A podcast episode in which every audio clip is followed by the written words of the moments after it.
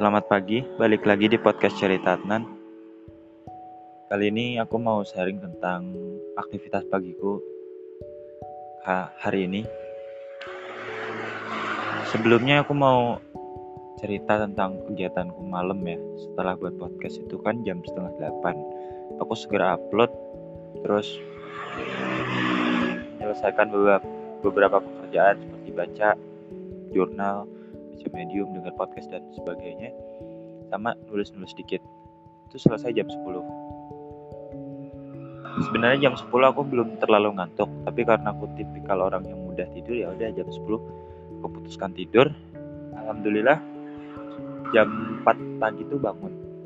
Jadi 6 jam kemudian aku bangun bisa aktivitas pagi ibadah, tahajud, sholat subuh, zikir pagi, terus bisa nulis selama setengah jam. Seribu kata itu rasanya tenang banget nyaman banget. Rasa enjoy nikmat. Terus isi air baca medium sama Duolingo. Udah sama bantu orang tua sebentar. Ketika podcast ini dibuat jam 6 ya. Aku dua jam tuh udah bisa melakukan tahajud sholat subuh Duolingo medium. Pokoknya udah banyak hal yang aku lakukan apalagi tadi satu artikel medium yang aku baca tentang kesuksesan. Itu bisa diukur ketika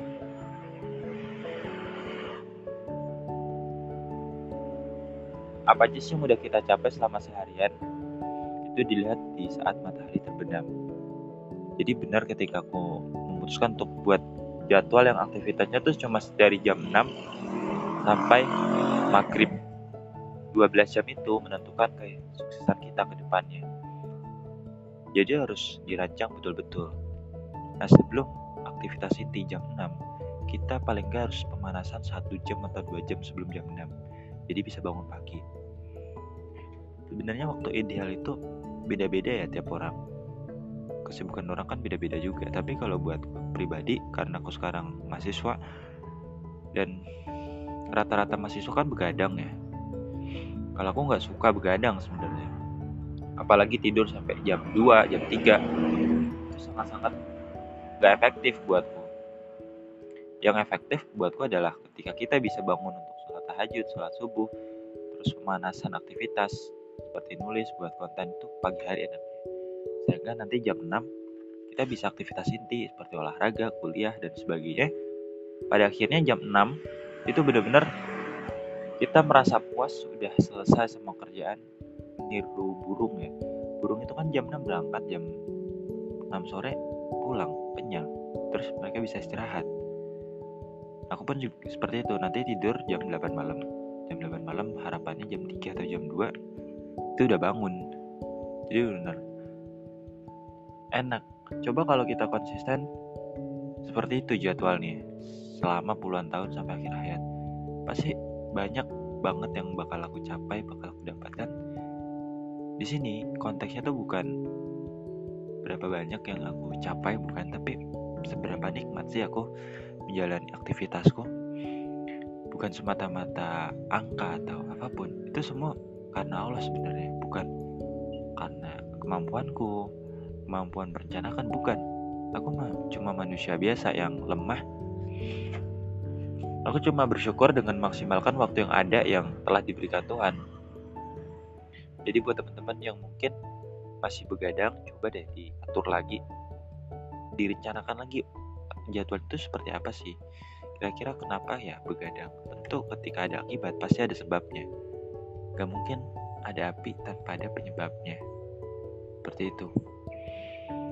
Kayak kemarin, kenapa ya aku pusing buat konten? Oh, kontenku tuh kebanyakan ya udah aku kurangin deh. Kenapa ya waktu aku sering terbang banyak? Oh, aku chat yang gak penting. Aku terlalu banyak buka HP, terlalu banyak pikir. Ya udah, aku cari solusinya apa. Terus buat formula baru lagi, rencana baru lagi. Ya udah, diterapkan kira-kira bagus nggak kalau ada yang kurang evaluasi lagi sampai benar-benar kita merasa nyaman dan nikmat dengan apa yang kita lakukan saat kita bisa tersenyum dan bahagia dengan aktivitas kita di situlah kebahagiaan sejati sebenarnya.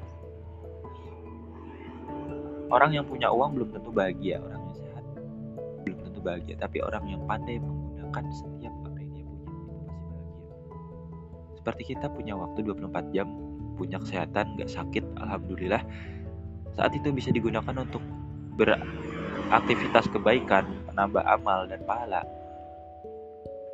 dan melakukan aktivitas yang bermanfaat bukan malah scroll sosial media terus insecure atau menghujat orang menghakimi orang. Jangan.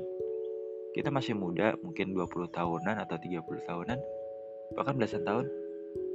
Itu harusnya kita gunakan untuk hal-hal kebaikan karena waktu itu nggak bisa diulang tuh. Waktu adalah satu-satunya aset yang kita punya dan itu nggak bisa diulang nggak bisa dijejak kembali seperti momen kebersamaan masa SMP SMA dan kuliah itu cuma tinggal kenangannya aja. Cuma tinggal ingatan oh aku dulu pernah bersama si ini si itu. Setia. Tapi pada akhirnya kita juga berpisah karena impian masing-masing ya kan? Itu pasti. Kita nggak bisa menolak itu. Pun dengan kebahagiaan kesedihan yang sedang kita alami.